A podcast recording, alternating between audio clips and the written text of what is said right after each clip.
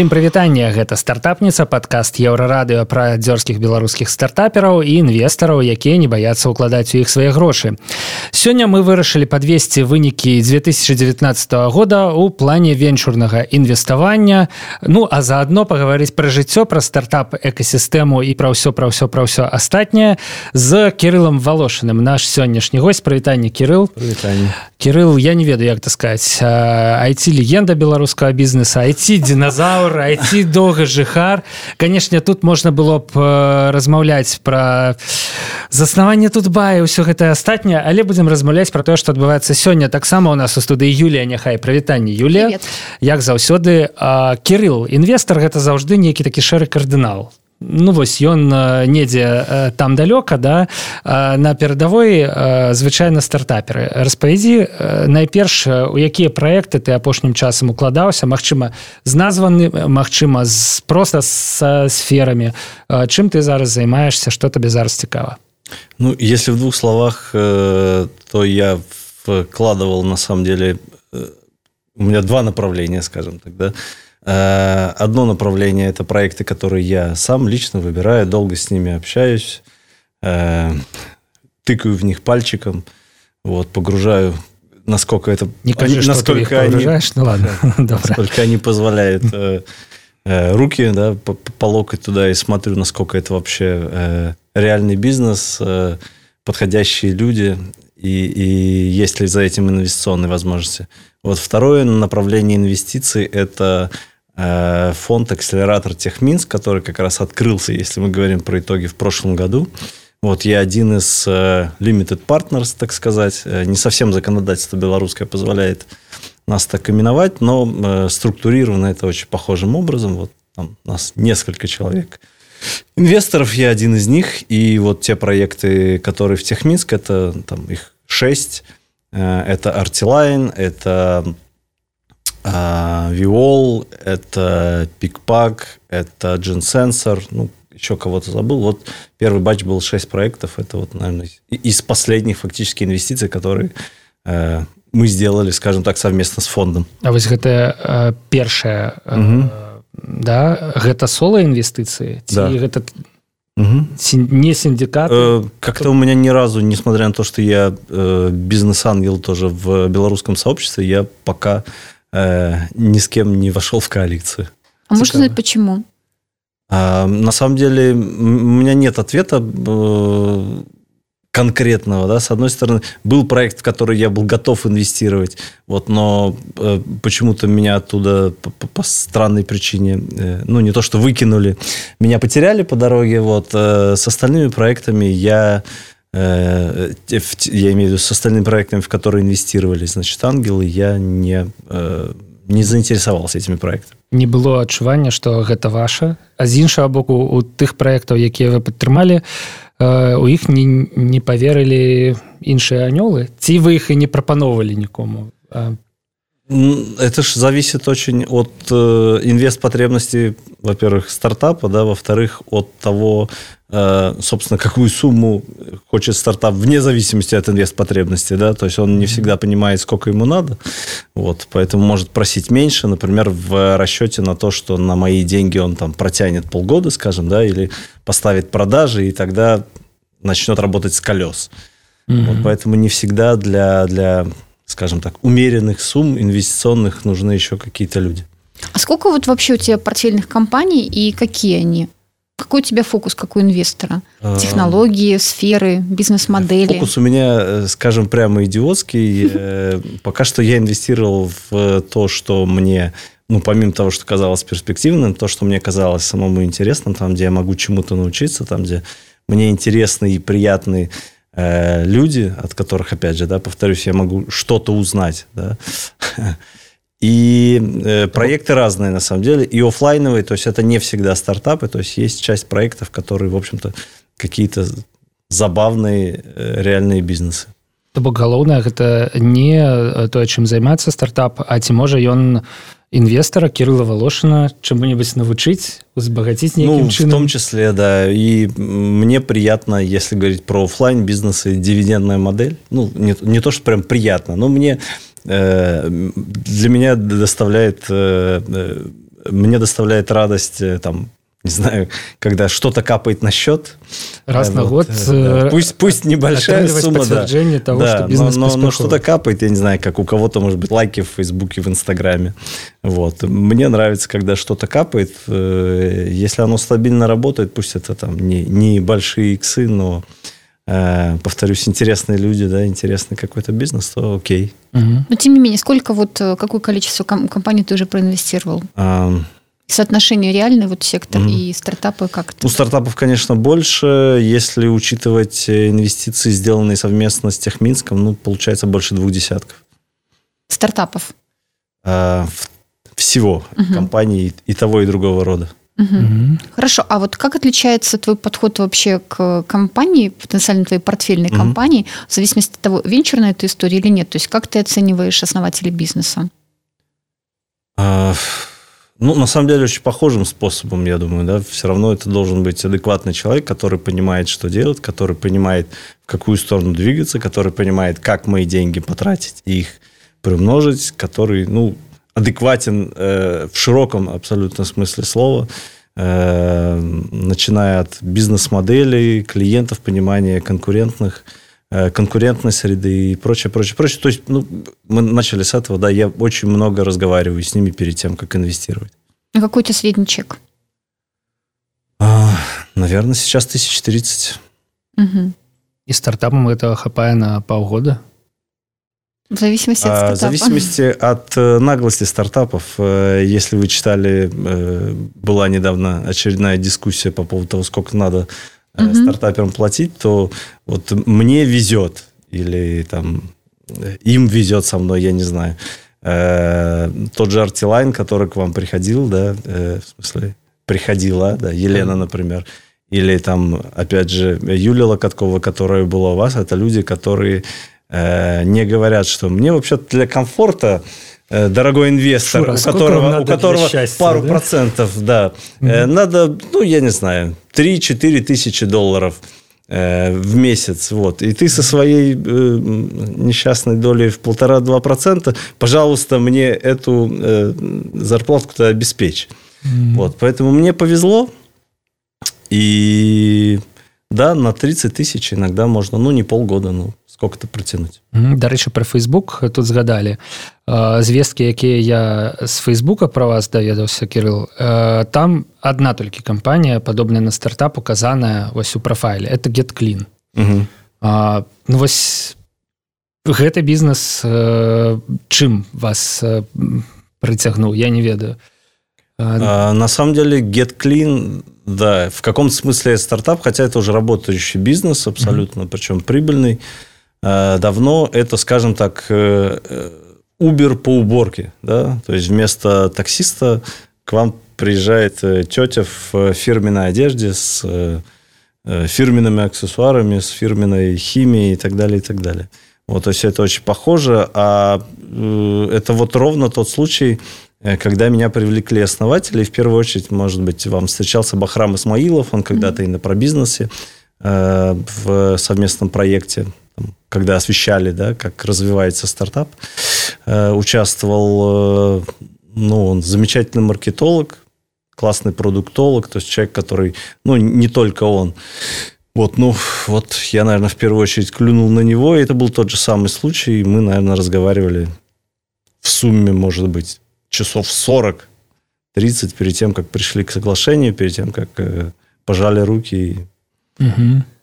произошла я, сделка. Я уже зразумеў что Кирилл волошин гэта даволі э, асаблівы інвестор болтун, болтун. не это нормально якраз для радыёпраграмы і для подкаста это просто выдатная якасць суразмоўцы але такі інвестор які ну вось трымаецца асабняком А, а чаму мы увогуле як бы гэта сказать вырашылі прыдумалі что можна паклікаць что mm -hmm. я напісаў класны пост у фейсбуку паклікай на меня паклікаць да тут э, цікавыя штукі ў беларускай і рускай мовах. Але посту якім расклаў вынікі 2019 і крыху 2018 года. Насамрэч для мяне дзіўна што зараз яшчэ няма лічбаў колькі э, сумарна інвеставалі ў беларусі ў стартапы за 2019 год я так разумею бизнес-ангелы подвели эту статистику бизнес-ангелы подвели но э, если говорить про весь рынок то это как говорят опять же в стартап методологии все на самом деле большая галлюцинация да или или гипотеза, условно говоря, э, Фло или PandaDoc, которые там, да, обе компании, наверное, подняли самые большие раунды за 2019 год, они вообще считаются белорусскими или нет? Инкорпорированы они, на мой взгляд, нет. Слушайте, ну давайте мы посмотрим любые здесь. продукты, которые вот создаются где-то, сторителлинг, они всегда подводят большую историю и прочее. Конечно, это белорусские компании. А надо петь всем одним хором. Я полагаю, что тут может быть все-таки два мнения. Это вот, правда. А, а то и Может, больше. навіть и три. Да, да.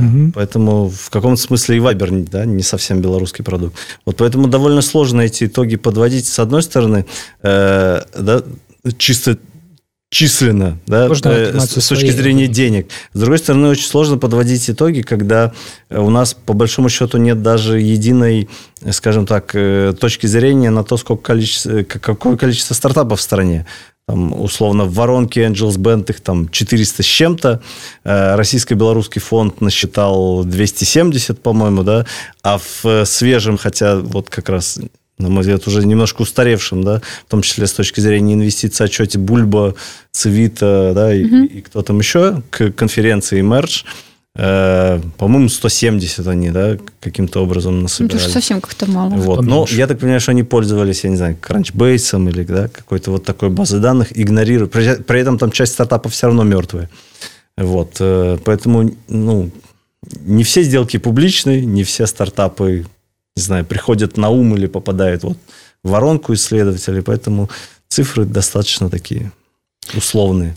Самые гучные раунды mm -hmm. гэта фло і пандадок да. колькі ўсяго іх было і кого яшчэ вы падзначылі за 2019 ну, ланг паспорт еще ланг паспорт поднял mm -hmm. да раунд наверное сначала у ангелов а потом э, в фонде да. пандадок поднял да рокет бади поднял по-моему миллион долларов mm -hmm. Э, не очень шумно и себе приписали э, этот раунд ангелы, э, поднял деньги кэшью, но он на самом деле поднял их от разных ангелов, которые не входили в синдикат. То есть они ну, можно назвать это, не знаю, просто человеческим раундом, да, потому что все, э, все, кто инвестировал в кэшью, они люди, или там мужским раундом, потому что они все мужчины. Ну, так совпало, что они еще и... Еще и бизнес-ангелы, да. Да, еще угу. и бизнес-ангелы, вот. Но я даже не видел, на самом деле, э, остальных инвесторов кэш, я, я там тоже поучаствовал. 80 а, Days, это угу. достаточно шумная сделка, насколько я могу понимать. Кстати, 80 Days как раз один из выпускников акселератор это Минск, э, нашумел тем, что это э, Лебедев. Вот, цифра не очень большая. Большие цифры были у Wizard Games, или как ее правильно, Visor, может быть, mm-hmm. да? И MediaCube, в которую инвестировал, это не совсем стартап, это скорее там медиакомпания, да, которая помогает ютуберам. Да, ее часть Зубр выкупил, капитал. да. Зубр, Зубр капитал. капитал. Вот это замечательная сделка такая. Ну, еще Милу тогда можно вспомнить, который Зубр тоже инвестировал. Милу? Да. Ну, Мила точно не стартап. Нет. Вот, но ее основатель тоже, кстати говоря, э, бизнес-ангел. Mm. Добра, гучныя інвестыцыі гэта класна згадалі зубр капітал mm -hmm. наколькі гэта беспрэцэдэнтная падзея для беларусі і ну адкрыццё 2019 года что вось такая кампанія з доўгай гісторыяй працы у традыцыйных традыцыйных mm -hmm. бізнесах прыходзіць да тэхналагічных кампаній да айти кампаній ну, выкупляе долю мы сказали ўжо што ў прынцыпе медыякюб гэта не зусім стартап але тым не менш а на самом деле, на мой взгляд, все логично, э, потому что э, Зубр Капитал – это фактически последняя стадия в каком-то смысле да, инвестиций. Да, это private equity деньги, то есть это люди, которые инвестируют, компании, которые инвестируют в работающий бизнес. Да, то есть когда они Э, понимают, сколько компания зарабатывает, они понимают, как они могут, условно говоря, эту компанию усилить, увеличить, да, э, ее нарастить, и примерно, я думаю, представляют на моменте даже входа уже, кому они ее будут э, предлагать и кому будут сбывать для того, чтобы чего греха таить, заработать. Вот в этом смысле, конечно, все, во что инвестирует э, Зубр Капитал, не является, вот если да, дословно э, э, жестко так подходит да, до под, если жестко да? Да, подходить угу. к э, определению стартапа, то, конечно, они не являются стартапами, да, то есть они уже нашли свою бизнес-модель, они насколько я понимаю, мало того, прибыльные, да, они, возможно, уже не совсем инновационные, да, то есть это какие-то, например, даже там SaaS-продукт, ну, окей, он в целом, наверное, инновационный, но он не, не дисраптив, не, не знаю, не, не, не является каким-то супер-пупер открытием. Угу. Вот поэтому достаточно прогнозируемые, понятные, в общем-то, бизнесы, да, э, и интерес Зубра тут, опять же, понятен. Як бы па іншы бок mm -hmm. да, інвеставання актыўнасць дзяржавы у стартап экасістэме ў 2019 годзе мне здаецца таксама была нечым вельмі цікавым і незвычайным расскажите об этом вось у вас у посце напісана что па-першае бэнту пачаў ага. інвеставаць у унутраныя стартапы да па-другое банк развіцця сфарміраваў нейкі такі пул стартапаў і пачаў іх таксама крэдытаваць mm -hmm. вось гэта по я не ведаю падзеі 2019 года нейкая інавацыя нейкі крок наперад такое не было раней mm, ну я бы даже не назвал наверное это шагом это мне кажется какие-то достаточно базовые вещи которые должны были быть давно да, условно, если кто-то вот ездил по комьюнити Connection в США, да, то там бесконечно рассказывают про, про, про программы SBTR или как там она называется, да, в которой Э, университетские проекты могут получать до 200, по-моему, тысяч долларов. Да, от самих университетов. От самых университетов, mm-hmm. от эндаумент фондов и так далее. Кстати, вот про эндаумент э, ходят слухи, что, возможно, да, появится какое-то законодательство на эту тему и в нашей стране. Вот. Неизвестно, э, когда, потому что слухи-то уже не один год ходят. Надеждами живет белорусский рынок. Угу. Вот. Э, что касается э, ЕБРР, то, на мой взгляд, кредитная история это тоже не, не, не нечто выдающееся. Да? На самом деле, э, это нормальная история, когда стартап при наличии у его основателей или у юрлица каких-то средств, да, какого-то имущества берет деньги в кредит, потому что тогда вы не отдаете долю, потому что если говорить про Беларусь, не знаю, там 10% у нас э, инфляция, которая чувствуется официально 5%, э, да, если вы берете деньги э, у того же, по-моему, Беларусь банка есть, да, или там у банка развития под что-то там 5, 6, 7 процентов, ну, то, то это не, не то, что бесплатно, но очень, очень выгодно. Вот. Але ўсё роўна за гэтыя грошы трэба плаціць да? калі не долей так все ж таки рэальнымі грошамі да? Да. Гроши каштуюць не немало. Ну, это та же а история, какие... простите, что с инвестициями, mm-hmm. да, то есть вы вкладываете, я как инвестор вкладываю в надежде что-то получить. Соответственно, стартап находится в похожей позиции, он как в каком-то смысле инвестор, да, угу. он э, берет, правда, деньги, да, но по сути он их вкладывает для того, чтобы заработать больше, а проценты отдать все-таки. Кирилл, а как все-таки вот ты можешь дополнить свой пост, потому что ты подготовился, пришел с целым списком. Да, я даже вот. побрился. Вау. Долго Скажи еще, пожалуйста, все, все-таки, что очень важно для тебя, потому что я тебя вижу на всех вот таких значимых ивентах, то есть ты постоянно держишь руку на пульсе, и э, вот мне кажется, помимо того, что вот э, кредиты от ЕБРР и прочие вот какие-то другие вещи, они есть действительно очень важные.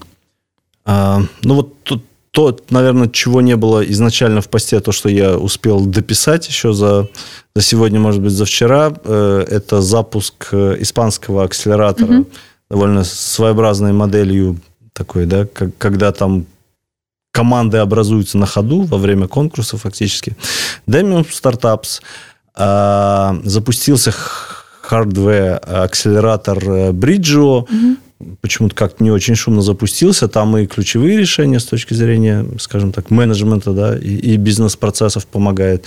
Там э, наши передовики хардварного производства Rozum Technologies. Очень э, хорошие отзывы, кстати. Да, ну, угу. слава богу, прекрасно. Вот. Э, Я, до речі, перший раз чую ось э, такий експерт по стартапам. Да, и, и, по, и по Холков. Там. Да, да, да. И впервые прошел у нас этап благодаря господину Досову Seed Starts World. Э, да, то есть фактически белорусская белорусский отборочный тур, который потом вот победители поехали, по-моему, в Казахстан. Вот, то есть, ну, таких событий приятных. Наверное, хороший э, факт это вот растущий интер, интерес э, зарубежных, ну, точнее, опять же, скорее российских, хотя они базируются за рубежом фондов. А, по-моему, за прошлый год около пяти белорусских проектов отучилась в Польше. Или там не только отучилась, подняла деньги. Это в HugeSync вот. ты имеешь в виду, да? HugeSync, э, на самом деле, не только HugeSync. Вот э, это программа Poland Price, которая угу. дает без equity деньги, там порядка 50 тысяч евро. Очень много туда людей сгоняло. А, и вернулась, угу. слава богу, в большинстве своем. А, Startup Capital, да, это с российскими корнями американский фонд-акселератор. Вот опять же, Пинфин, Open Business там отучился, Парсерс там отучился да. в э, последнем батче, и есть надежда, что они Stringers продолжат Stringers Hub, да, что они продолжат э, что-то поднимать там дальше в США. Ці можна казаць як пра тэндэнцыю 2019 года міграцыю стартапаў у парк высокіх тэхналогій ёсць такая тэндэнцыя ўвогуле мы ўсе mm -hmm. ведаем што колькасць кампаній якія за 2019 год зарэгістраваліся ў парку яна выбухова выросла да, да, да. средний вось... чек прости господи с компанией в виде налоговых поступлений он уменьшился соответственно а, я, а як это атрымалася бок больш кампаній але сумарна э, компаний больше но а, на в среднем суммарно. на одного члена ПВТ mm-hmm. налоговых взносов стало меньше ну это очень просто объяснять объект компаний стали меньше да собственно mm-hmm. весь ну да, ранее... Да, брали... весь большой, mm-hmm. скажем так, IT-сектор, он давно там. Вот. Во-вторых, э, часть компаний действительно, как ты как правильно говоришь, э, это стартапы, соответственно, это и ниже зарплаты, соответственно, с них меньше налоги, это меньше выручка или и отсутствие зачастую прибыли. Э, опять же, да, влияет на все это. Ну, ну, вось цікава мне процесс як бы так цікава. хороший но понятно что не, налогами это не так окупается, наверное, как хотелось бы. Парк высоких технологий – это не акселератор, не фонд. Ну, у них есть инкубатор свой, на самом деле. Но, угу. и, кстати говоря, про их активность довольно мало известно. То есть он есть, все про это знают, кто-то там э, базируется, но именно вот кроме ивентов, да, которые там постоянно замечательно это проходят, и там каких-то конкурсов и, и прочее, в общем-то, от инкубатора Но они сейчас решили мало сделать коллаборацию вместе с RocketDAO, вот этой вот э, кемпом, который делает RocketDAO. Вот, хорошо, что, что я пришел, теперь буду знать. Вот. Угу.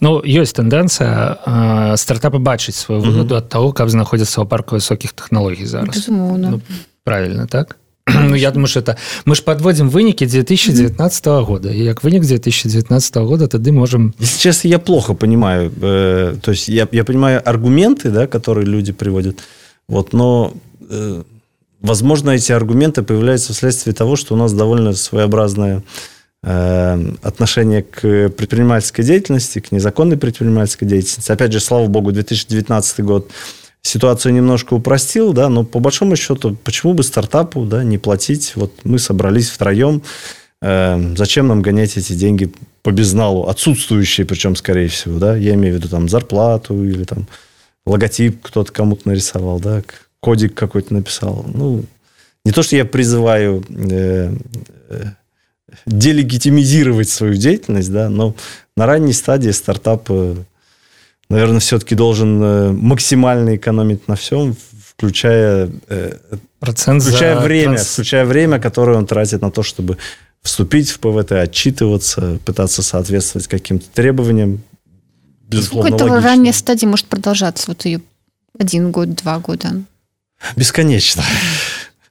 Бесконечно, особенно если стартап-турист, если его основатель турист, который вот туда-сюда там полежал, здесь полежал, тут поездил, поднял еще немножко денег, тут подсветился, тут одолжил. Ну, понятно, что, я не знаю, года, года через два, в общем-то, плесень становится видна, образно выражаясь, э, инвесторам вокруг, и э, собрать деньги становится да, все сложнее, это надо ехать уже куда-то подальше, где, где про тебя ничего не знают. Циничный свет стартапов. Да ладно. Угу.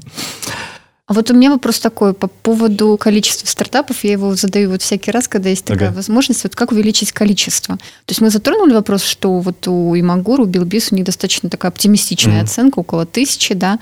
У Angels Band, э, Кирилл, вот я знаю... 400 с чем-то, по-моему. 400 с чем-то, но рассмотрено mm-hmm. было 200 плюс, да. А Биф говорил о том, что тоже где-то там 200-300. 270. А, знаю, что Зубр Капитал, прежде чем инвестировать, угу. они проанализировали около 700 разных компаний, и они поняли, что как бы инвестировать они могут далеко не во все. Вот. То есть вот с твоей точки зрения, что нужно сделать, чтобы увеличить поток стартапов? Вот ты очень много ведь ездишь и в регионы, угу. да, вот ты видишь, что там происходит. Вот что думаешь на сей счет? Если говорить про регионы, то, к сожалению, в большинстве случаев э, то, что представляет регионы, э, даже по-другому, то, как регионы думают о, о том, что такое стартап, э, да, это, в общем, далеко от э, венчурной деятельности. Mm-hmm. И, к сожалению, в большинстве случаев стартапы, проекты, которые представляют регионы на таких мероприятиях, они, в общем, опять тоже либо не являются стартапами, либо являются э, копиями, перепевками чего-то, mm-hmm. либо, к сожалению, чем-то, что ну, обречено, скорее всего, на провал. Вот, поэтому хорошо, что есть. Вот вы вспомнили, там, та же стартап-школа, которых штук 15 уже mm-hmm. по Беларуси, и организаторы в этом году обещают довести их до двух десятков. Вот. Ну, собственно, время нужно. Время, экономический рост, э, должна Цікаво, расти вось гэта магчымасць хаця б фармальна легалізавацца ў парку высокіх тэхналогій ага. яна ну нейкім чынам падбадзёрвае ну стымулюе чалавека увязвацца ў гэтую стартап гісторыю а не там пайці у э, гарантавана легалізаваную вялікую айці кампанію і ну рабіць mm -hmm. некую стандартную айці кар'еру Безусловно, кого-то да. Я боюсь ошибиться, простите, уважаемые слушатели с городом. По-моему, в Бресте есть представительство, да, что-то вроде э, представительства парка высоких технологий, и э, там еще более льготные условия. То есть, mm-hmm. я не знаю, бухгалтер за 5 долларов дает этот э, э технопарк, аренду какую-то совершенно копеечную, да, и вот, ну, опять же, налоговые льготы. И с такими условиями, безусловно, вот мы там выступали Э, с такими условиями парк становится привлекательным. Там, да? И опять же, людям не надо ехать в Минск, не надо перебазироваться. Вот, и замечательно, что такие возможности есть для начинающих бизнесов.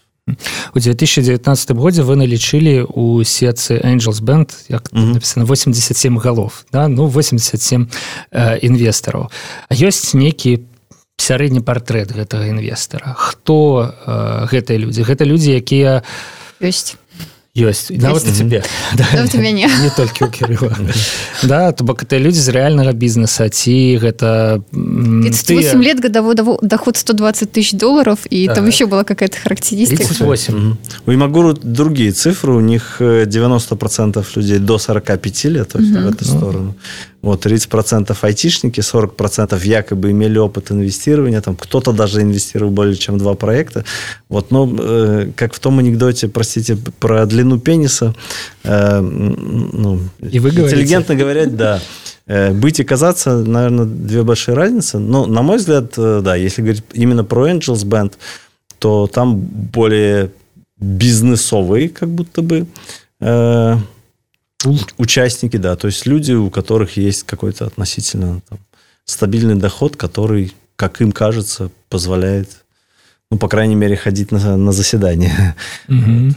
в идеале инвестировать. А можно вернуться вот к вопросу по поводу все-таки твоих портфельных компаний и прочего? У тебя есть какая-то вот такая личная стратегия как инвестора? То есть через э, какой срок тебе хотелось бы видеть экзит? Ведь экзит может быть не обязательно, когда стартап, э, его кто-то купил, а ты можешь продать свою долю. То есть есть какая-то в этом, какой-то план в этом смысле? Э, план исключительно теоретический, тот же, про который пишут, э, собственно, все СМИ и классики. 5, 6, угу. 7 лет я готов подождать. Угу. Готов в это поиграться. Но какие-то проекты уже все-таки выстрелили из твоего портфолио? А именно вот в виде продажи, в виде экзита пока никого нет, но я вам скажу, что, к счастью для меня, из, из смертей, да, вот э, плесени мало, но большинство из них либо на плаву, либо поднимают раунды, будучи опять же на плаву. То есть все, все не очень плохо пока. Угу. Какое ты участие принимаешь вот в своих портфельных компаниях? А, участие в совете директоров, консультации, помощь, нетворкинг, менторинг, э, созвоны, списывание. То есть, если где-то чем-то могу помочь, безусловно, участвую. Но в целом раз в месяц, как минимум, я со всеми пытаюсь общаться в реале или, или, или в онлайне.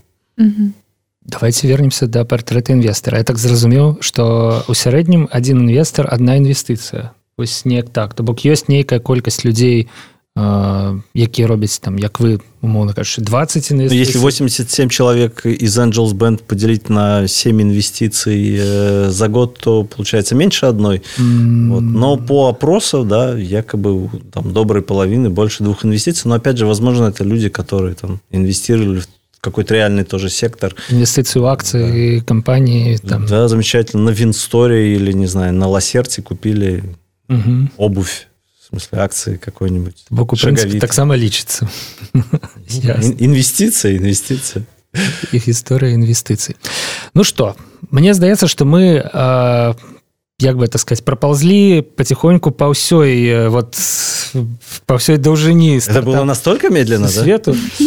ну мы никуды не спяшаліся скажем так часам okay. можна і не спяшацца Юлія ёсць яшчэ пытанне не про 20гадовую даўніну там а вот про сённяшні час?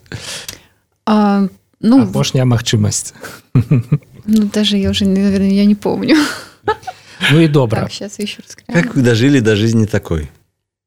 Дедушка старенький. Так неплохая жизнь по-моему. Человек хорошо выглядит спасибо да А это было рытарычнае пытанне да самого сябе не ну сапраўды калі шчыра я не ведаў што вы будзе кірыл казаць але я прыкладна ведаю як вы будете выглядаць як упэўнены ў сябе а вот у меня такой вопрос я знаю что ты работаешь с как бизнес-ангел и как ментор то угу. есть э, участвуешь в стартапе не беря у него долю почему так в чем здесь фокус а... тратить свое время альтруизм. Нет, да, давайте по-честному. Да, э, конечно. Либо я совмещаю на самом деле э, и я являюсь и инвестором и ментором одновременно потому что ну да, вот к портрету инвестора, да, или к портрету бизнес-ангела. Это люди в основном, у которых есть за плечами какой-то бизнес-опыт, предпринимательский опыт, возможно, опыт построения компании, организации процесса.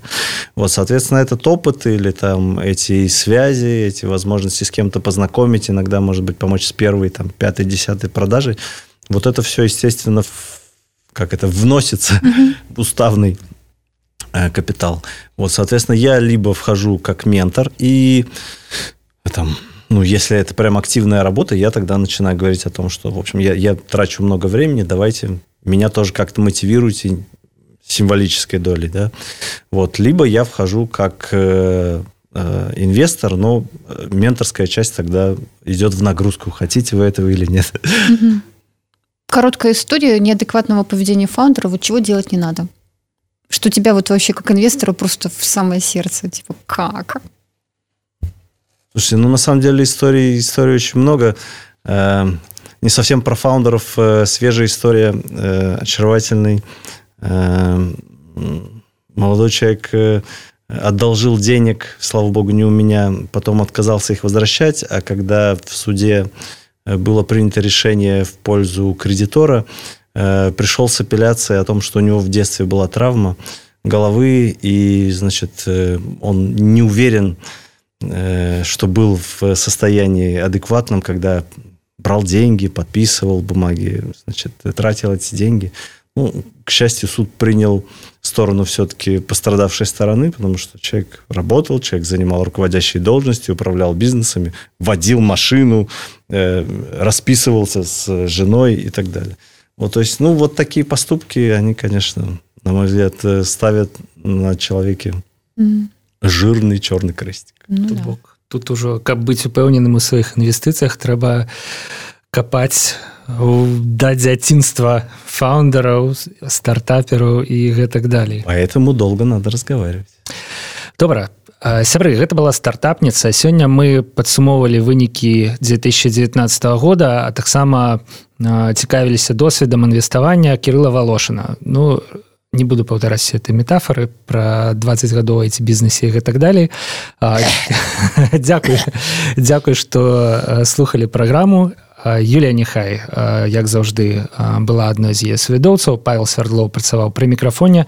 Да пабачэння кіру бачэння пачуемся праз тыдзень